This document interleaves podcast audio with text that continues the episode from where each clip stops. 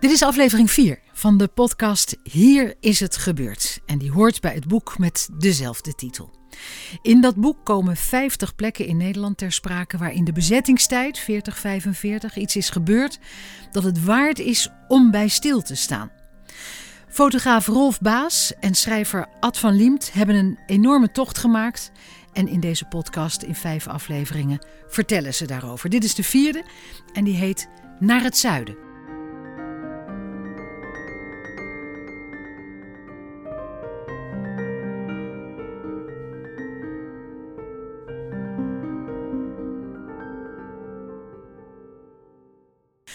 Rolf, jij bent uh, voor dit boek op allerlei verschillende plekken geweest. Maar ben je ook wel eens naar zo'n soort plek geweest voordat je met dit project bezig was? Ja, ik heb een paar uh, eerdere projecten gedaan over uh, die gerelateerd zijn aan de oorlog. En ik ben een paar jaar geleden heb ik, heb ik een project gedaan in Normandië.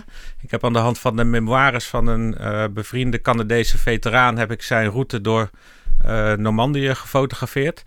Ehm, en daar ben ik ook op een begraafplaats geweest en die, die maakte veel indruk op mij. Want het was daar heel ja, idyllisch, zeg maar, en, en, en stil met de vogeltjes op de achtergrond. En ik kwam toen tot een soort van inzicht. Dat het is natuurlijk verschrikkelijk om te sterven in zo'n, in, in zo'n oorlog als soldaat.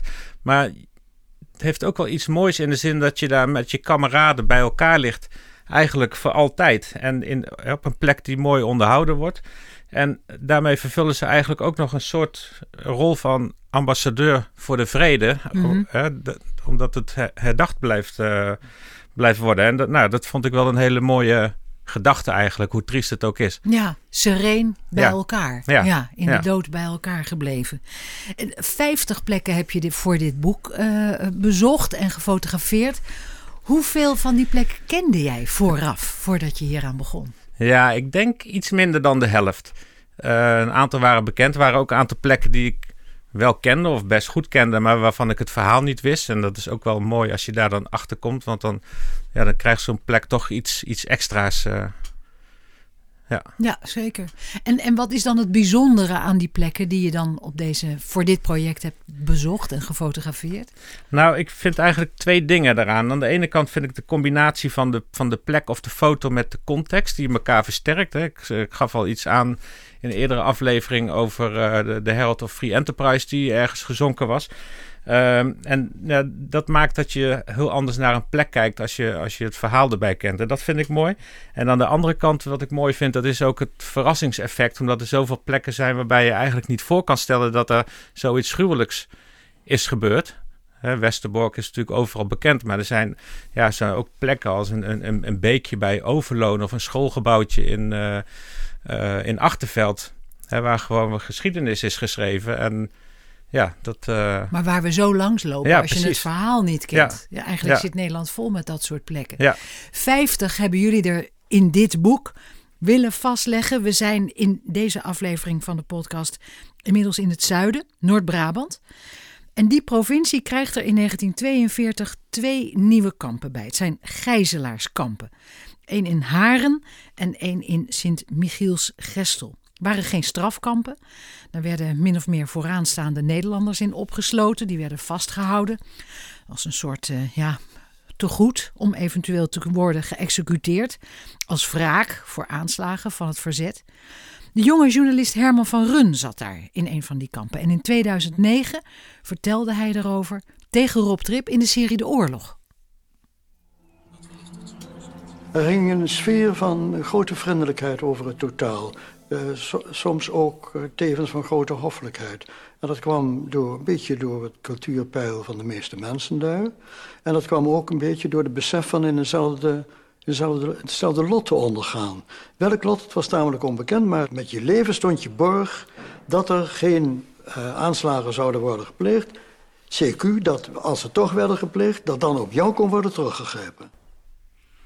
Ja, heel bijzonder oord, sinds Michiels Gestel was een seminarie geweest, had een, een opleidingsschool voor priesters. Uh, monumentaal pand.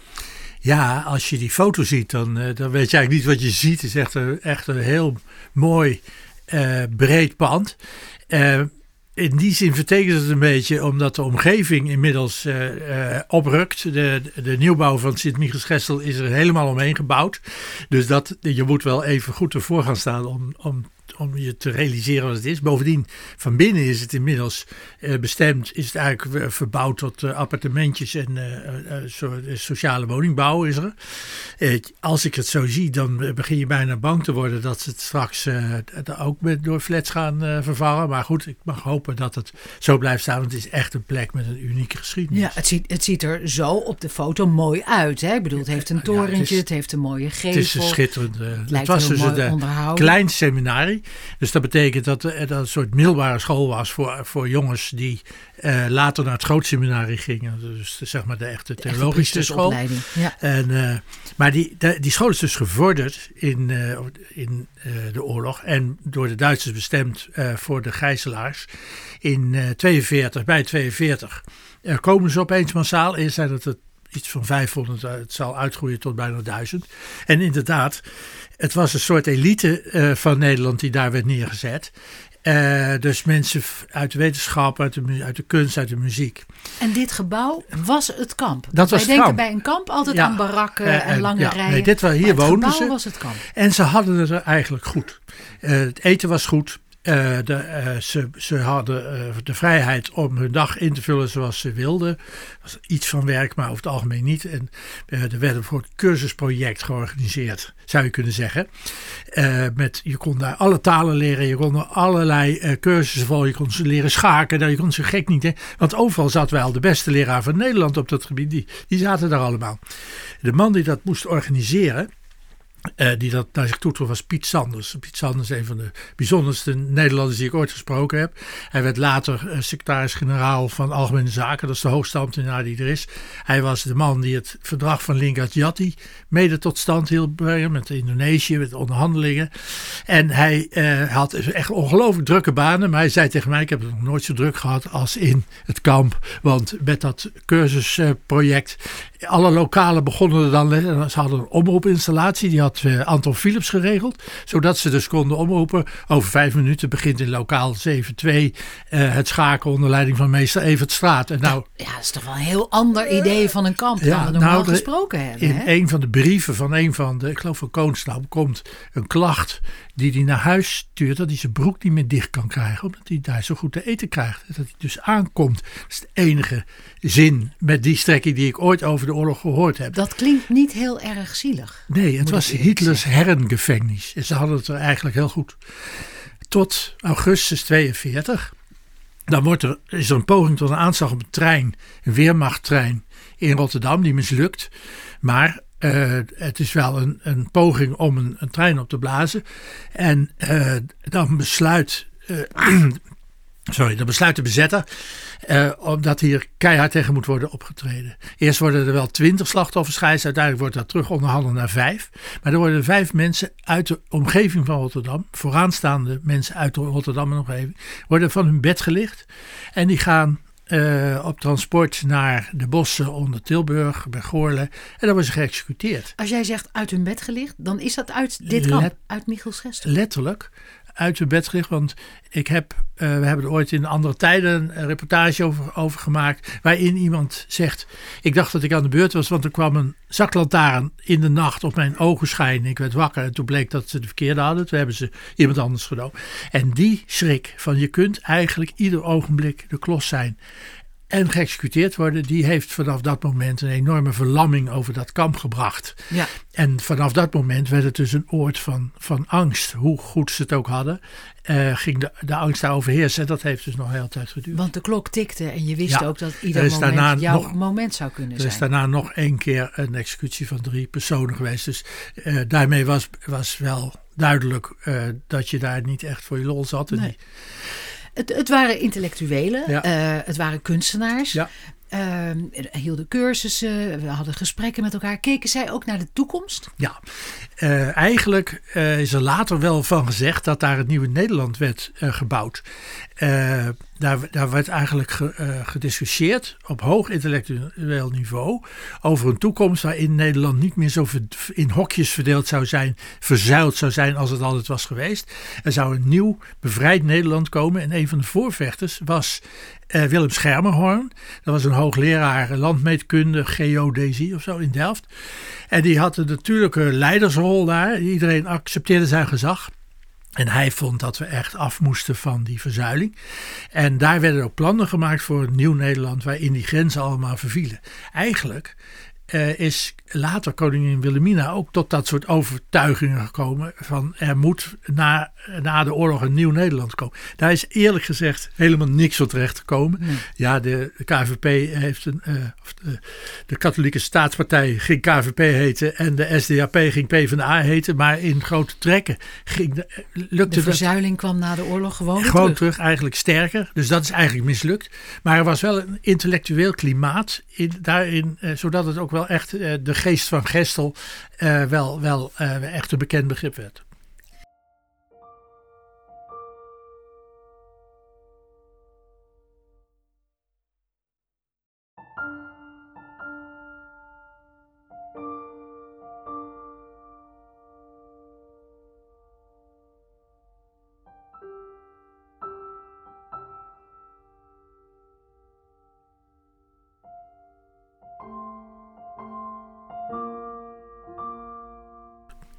We gaan verder naar het zuiden. We gaan naar Venlo.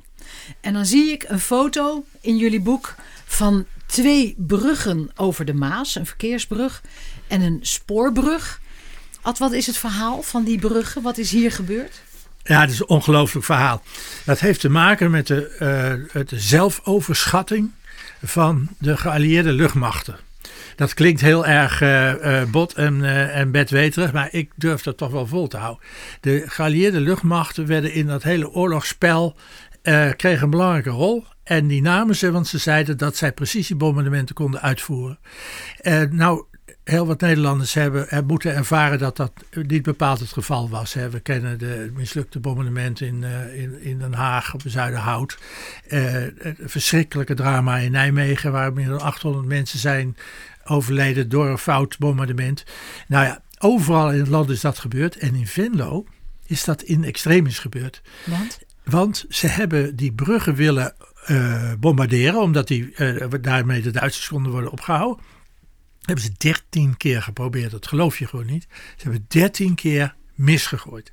En het, het, tragische was dat al die missies om, om daar bommen te gooien op dezelfde manier misgingen. Want de bommen kwamen elke keer op de oever terecht waar de stad Venlo ligt en waar dus het centrum werd geraakt.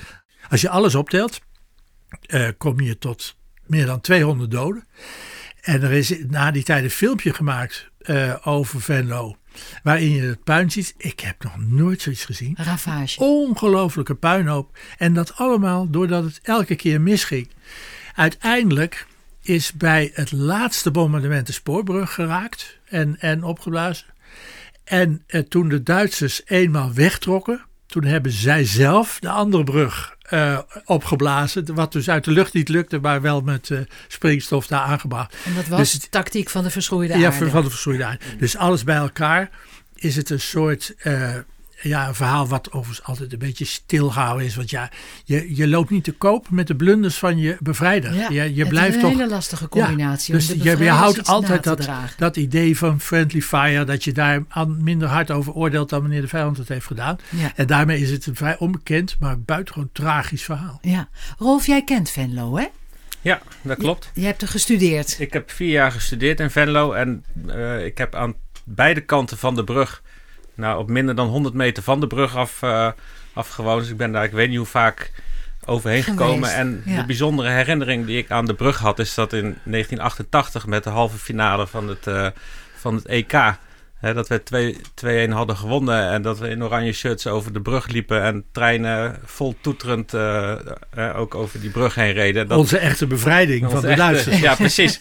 en dat was eigenlijk voor mij de herinnering aan de, aan de brug. En als je dan erachter komt Want jij kende het verhaal niet nee, van die dertien mislukte bombardementen. Nee, nee. en als je, de, ja, als je dat verhaal hoort, dan, dan denk je, hoe kan, hoe kan dit eigenlijk? En ik heb de foto, in de tijd dat ik studeerde stond het gemeentehuis er nog niet, maar er staat nu aan de, aan de rand van de brug staat het gemeentehuis en daar mocht ik een paar etages omhoog om die foto te maken. En ja, want je staat hoog, hè? Je kijkt echt vanuit de lucht bijna, kijk je op de bruggen neer. Precies, en daar, daar, ja, daar, daar zie je wel een beetje in van hoe, hoe groot eigenlijk die oppervlakte van die brug is. En ja, hoe moeilijk je kan je het eigenlijk zou zijn om ze, niet te raken. Hebben. Ja. ja. Ja, en dan ook nog dertien keer. Precies.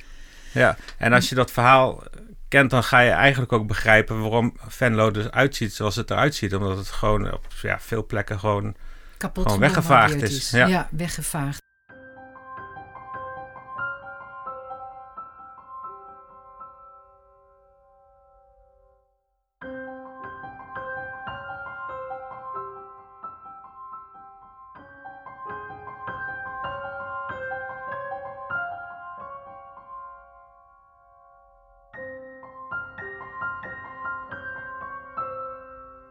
Goed, naar Brabant, naar Vught enige officiële concentratiekamp van Nederland, concentrationslager Herzogenbusch, kamp Vught, enige kamp onder SS-bewind in Nederland, een complex kamp ook. Ad, zaten hier gevangen? Eigenlijk allerlei groepen. Het is uh, als een soort overloopkamp uh, ingesteld. Uh, bijvoorbeeld voor het, doorgangskamp Amersfoort, waar het een enorme puinhoop was gedurende sommige perioden in de oorlog. Dus er op een, toen Vught werd geopend, werden dus de, de nog levende gevangenen van Amersfoort naar Vught gebracht. Nou, dat, dat was echt een verschrikking zoals die mensen daar aan toe waren. Uh, later is het ook een overloopkamp voor Westerbork geworden. Er zijn er heel veel Joden in aparte barakken geweest. Uh, en het was ook een beetje een, een, een kamp waar gevangenen zaten, met name mensen bijvoorbeeld die die uh, anti-Duitse activiteiten hadden verpleegd. Bijvoorbeeld uh, hulp aan onderduikers konden op die manier worden gestraft. Dan kon je een paar weken. Mensen. Ja, verzet, dan kon je een paar weken in Vught terechtkomen.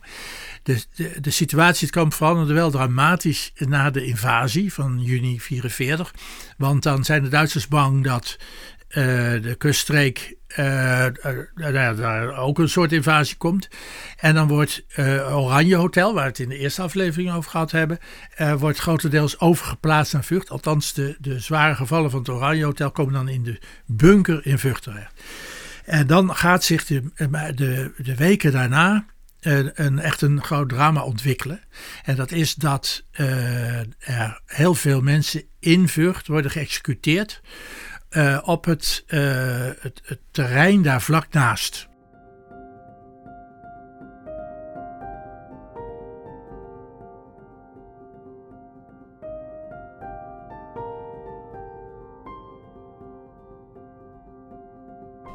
Die Fusiadeplaats, dat is de plek die jij gefotografeerd hebt. We zien hier de, de, de gedenkplaat. Talloze namen staan ja. erop. Er staat een, nou, eigenlijk een heel bazaal kruis boven. Uh, de mensen in het kamp hoorden als daar mensen gefusilleerd werden. En dat was echt die laatste paar weken van het kamp aan de orde van de dag letterlijk. En hoe ging dat dan?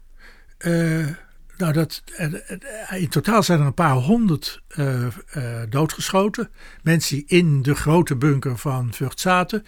Uh, op bevel van Debner, Erich Debner. Die, de commandant. Ja, ja, nou, hij was niet commandant, maar die hoge SD'er. Die eigenlijk als een soort beul fungeerde. Hij is er nooit voor gestraft. En ja, ja, de mensen zagen dus dat er weer een groep werd afgevoerd. En een paar minuten later hoorden ze die knallen. En wisten ze dus dat er mensen uh, gestorven waren. En, uh, en op welke manier. En dat gaf natuurlijk een onwaarschijnlijke droefheid en uh, enorm veel verdriet in het kamp. Ja, en ik, ik heb een verhaal gehoord over een meisje dat dan ging zingen. Het Ave Maria. En dat zong ze in het kamp, vlak nadat ze de schoten had gehoord op de Fusiadeplaats.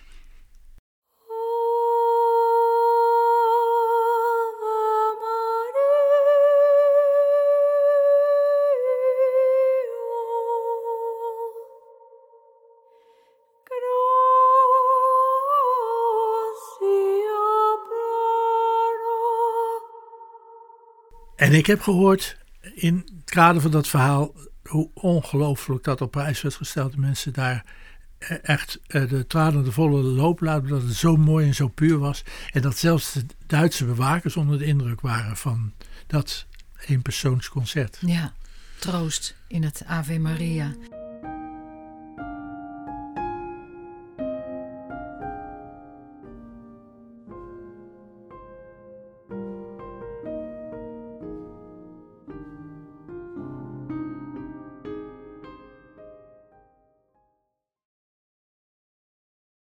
En dan komt 5 september 1944, Dolle Dinsdag.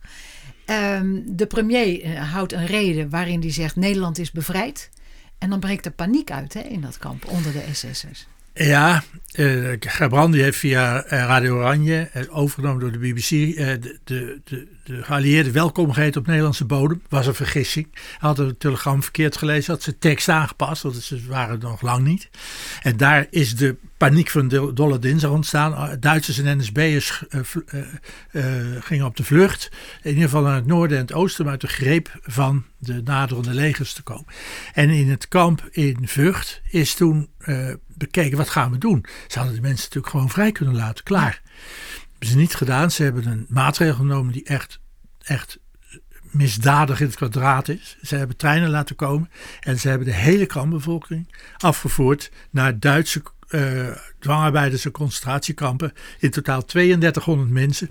Naar kampen als Ravensbrück, de vrouwen, uh, Neuengamme en Sachsenhausen. Waar op dat moment ja, eigenlijk helse omstandigheden waren. Er was nauwelijks eten.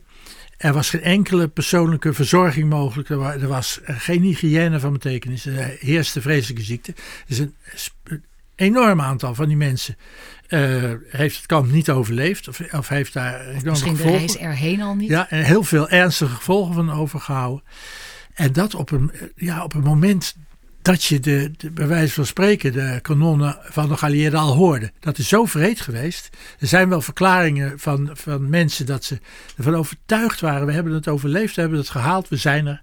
En ja, en toen, toen gingen ze naar een nog vreselijke om, uh, omgeving. Eigenlijk wel een van de ergste oorlogsmisdaden die je kunt bedenken. In zo beschouw ik het de echt. bevrijding. Ja, zo beschouw ik het echt. Mensen ja. vervoeren naar een plek waarvan je bij voorbaat weet dat ze het waarschijnlijk niet overleven. ja. ja.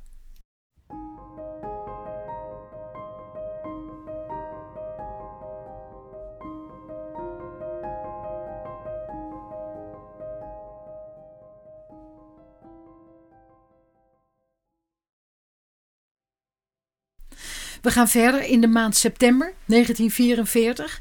Operatie Market Garden op 17 september ingezet. De troepen rukken op uit België, banen zich een weg door Brabant op weg naar Nijmegen en Arnhem. Onderweg bevrijden ze delen van de provincie en Radio Oranje zendt instructies uit. Neemt alle redelijk mogelijke maatregelen voor uw eigen veiligheid. Blijft in uw huis, behalve in het eigenlijke strijdgebied, en in de buurt van belangrijke verkeerswegen, in steden of op het platteland, in bijzonder in streken waar vijandelijke troepenbewegingen plaats hebben, aangezien de geallieerde luchtmacht daar buitengewoon actief zal zijn. Eindhoven is al heel snel bevrijd. 18 september. Bevrijders worden met nou ja, groot feest natuurlijk verwelkomd. De stad is in een euforische toestand tot de volgende dag, want dan volgt er een fataal bombardement van de Duitse Luftwaffe. Waarom eigenlijk nog? Ja, uh, het, is bizar. Hè? Het is een bevrijde stad die onder vuur wordt genomen. Uh, de reden daarvan is dat het ook de doorgangsweg is voor de troepen naar Arnhem-Nijmegen. Uh, dat is dus het tweede deel van de operatie Market Garden. Hè. Market, het is de bruggen uh, veroveren. Garden is dan oprukken met enorme hoeveelheden soldaten. Duitsers uh, proberen dat tegen te houden, onder andere door te bombarderen. En dan bombarderen ze die 19e Eindhoven. Daar is op dat moment ook nog geen af, luchtafweer, want uh, die troepen zijn in volle beweging. En, uh, en de stad heeft feest gevierd de, av de avond tevoren, voorkomen terecht. Want, want ja, bevrijd. daar heb je vier jaar op gewacht en dan zijn ze, dus het feest. En dan komen die bombardementen, die zijn van op twee delen in de stad, in, in het, is, het is eigenlijk een rare stad. Hè? Eindhoven bestond eigenlijk uit de verzameling dorpen. En op twee plekken is enorm gebombardeerd. En daar zijn ook heel veel slachtoffers gevallen. En ja, ook dat is weer eigenlijk zo tragisch als, als het lot van de mensen in Vught. je bent er. Je hebt het gehaald, je hebt feest gevierd. En de volgende dag krijg je die bombardement op je kop. We kwamen in het onderzoek nog tegen dat er een, uh, echt een heel tragische ongeval is met een schuilkelder. Althans, zo staat het in de boeken. In de praktijk blijkt dat eigenlijk een soort grote kuil te zijn geweest. Een soort door mensen zelf gegraven uh, uh, greppel, greppel loopgraaf bijna. Waar, je, waar zij in zouden kunnen vluchten. daar zijn ze ook met heel veel mensen bij die bombardementen ingevlucht. het zand om die kuil te graven lag er nog. En dat is door de luchtdruk over ze heen gegaan. En toen is iedereen onder zand. Ze hebben zichzelf begraven. Ja, en, en, en, daar zijn een paar mensen maar gered. Maar de meeste, ik geloof de 48 zijn, zijn op die plek uh, gestikt. Uh, er zat een, uh, een familie bij met, wat was het, 7, 8 kinderen? 7, 8 kinderen. Ja, allemaal en, kruip je bij elkaar. Kruip je bij elkaar. En dan wordt je dat ook fataal. Rolf, is daar nog iets van te zien van dat verhaal? Heb je daar iets van kunnen fotograferen? Nee, nou er is een heel klein monumentje, maar uh, in, dat staat op een plek waar eigenlijk fotografisch uh, niets van te maken uh, was. Dus ik heb ervoor gekozen om een onderdeel van de route, zeg maar, door Eindhoven die gebombardeerd is. Het welbekende Stratums Eind ligt daar eigenlijk tegenaan. En, en wat ik gefotografeerd heb is de Sint-Catharina-kerk die ook prachtig is hersteld, maar die ook uh, enorm beschadigd is geraakt tijdens het bombardement. Daar zie je nu eigenlijk helemaal niets van de geschiedenis. Nee. Het is een kerk, het is een plein. Dat geldt voor de heel Eindhoven. Die ramp is eigenlijk heel moeilijk terug te vinden. Ik, ik kwam ergens nog een heel klein bordje tegen. Uh, naast een andere kerk waarop staat dat het tijd. Maar er is een enorme winkelcentrum gekomen, een soort um, shoppingmall op die plek. Dus uh, ja, maar Eindhoven was natuurlijk niet echt een binnenstad. Het pas heel laat is dat ontstaan. Nu is het een, echt een moderne uh, binnenstad. Maar ja. dat, uh, je kunt je eigenlijk niet meer voorstellen wat een enorme ravage daar geweest moet zijn. En je moet het verhaal weten om je te beseffen wat hier ja. is gebeurd. Ja. ja.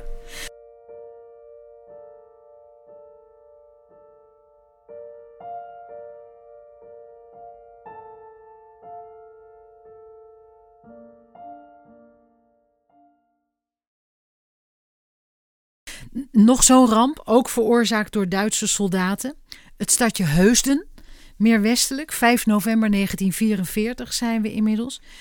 En daar ging het stadhuis eraan. Rolf, jij was daar meermalen geweest, hè? Ja, dat klopt. Ik kende, uh, ik kende de plek Heusden. Uh, we hebben een leuk haventje en ik ben daar een paar keer met de boot uh, op vakantie gestopt. En uh, wat ik me in ieder geval herinner is dat ik ook een keer, terwijl ik eigenlijk al op de boot uh, gestapt was, werd gebeld voor een soort van sollicitatiegesprek. En ik zei, nou ja, ik zeg, dat kan wel, maar dan moet je wel naar Heusden komen. En toen hebben we uiteindelijk daar in het café een gesprek gevoerd. Dus ja. dat is mijn bijzondere herinnering aan... Leuke herinnering leuke dan eigenlijk aan Heusden. Ja, maar 5 november 44, Ad, wat is hier gebeurd? uh, we zitten op het moment dat uh, de geallieerden de slag om de Schelde gewonnen hebben. En vanuit het westen uh, oprukken naar het oosten van Brabant. en dan veroveren ze het ene dorp naar het andere. Wordt soms nog wel hevig over gevochten. Dan komen ze dus bij Heusden aan. En dan hebben de Duitsers in het kader van de, zeg maar de, strategie van de verschroeide aarde, uh, die willen dan de uitkijkposten uh, vernietigen, opblazen, zodat de vijand niet uh, van de kerktorens gebruik kan maken. Daar hebben ze twee kerktorens opgeblazen en het, de, de toren van het gemeentehuis, wat een hele hoge toren was. De tragiek is dat in het gemeentehuis op de begane grond een schuilkelder, een schuilplaats is ingericht, dat het hele dorp daar eh, de neiging heeft, of heel veel mensen uit het dorp, om daar te schuilen. Dat wisten de Duitsers, want zij moesten daar door die hal heen om naar boven te komen waar ze de springladingen hebben aangebracht. En niettemin hebben ze uh, op een gegeven moment met zo'n afstandsbediening uh, die, die springladingen tot ontploffing gebracht. En toen is die toren ingestort. Op en die, die mensen. op die, die mensen. En dat heeft het leven gekost van 145 mensen uit Heusden. En als je nou nagaat, Heusden was lang niet zo groot als nu.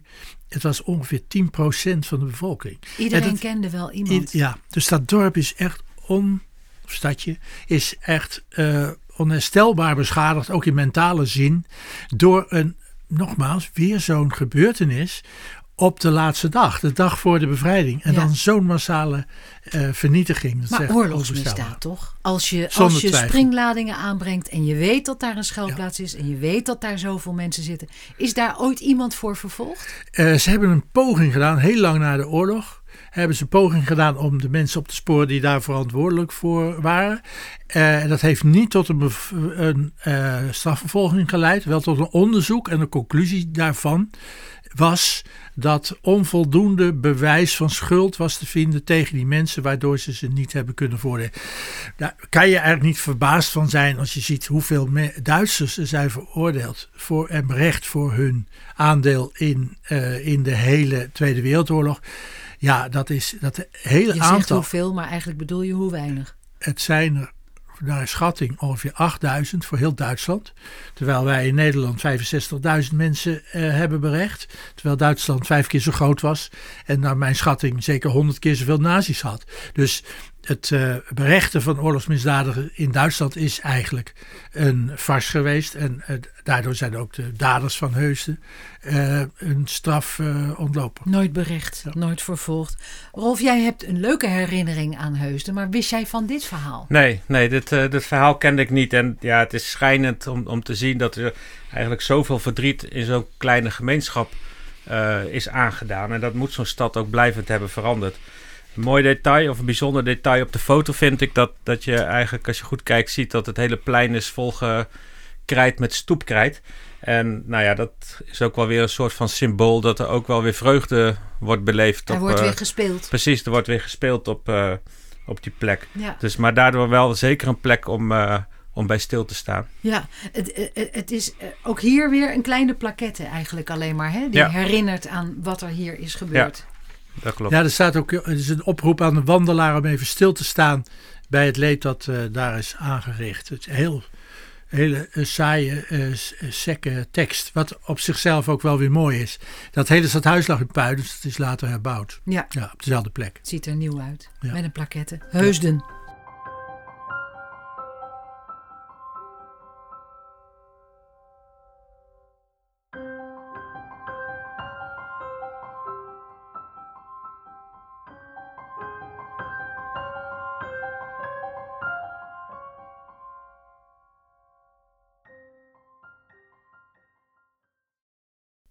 Hiermee zijn we aan het einde van dit vierde deel van onze serie podcast getiteld Hier is het gebeurd. U kunt de andere vier, net als deze, beluisteren op de bekende podcastplatforms en ook op de website van de uitgeverij wbooks.com. Wie de plekken zelf wil bezoeken, vindt de coördinaten daarvan in het boek. Maar veel mooier is het natuurlijk nog om de verhalen in het boek te lezen en de mooie foto's te bekijken. Voor aflevering 5 gaan we naar het midden, onder meer naar het dorpje Achterveld, waar werd overlegd over voedseldroppings die levensreddend waren voor velen in West-Nederland, maar Sijs Inkwart weigerde zich daar al over te geven. Ik ben Margriet Vromans. Tot de volgende aflevering.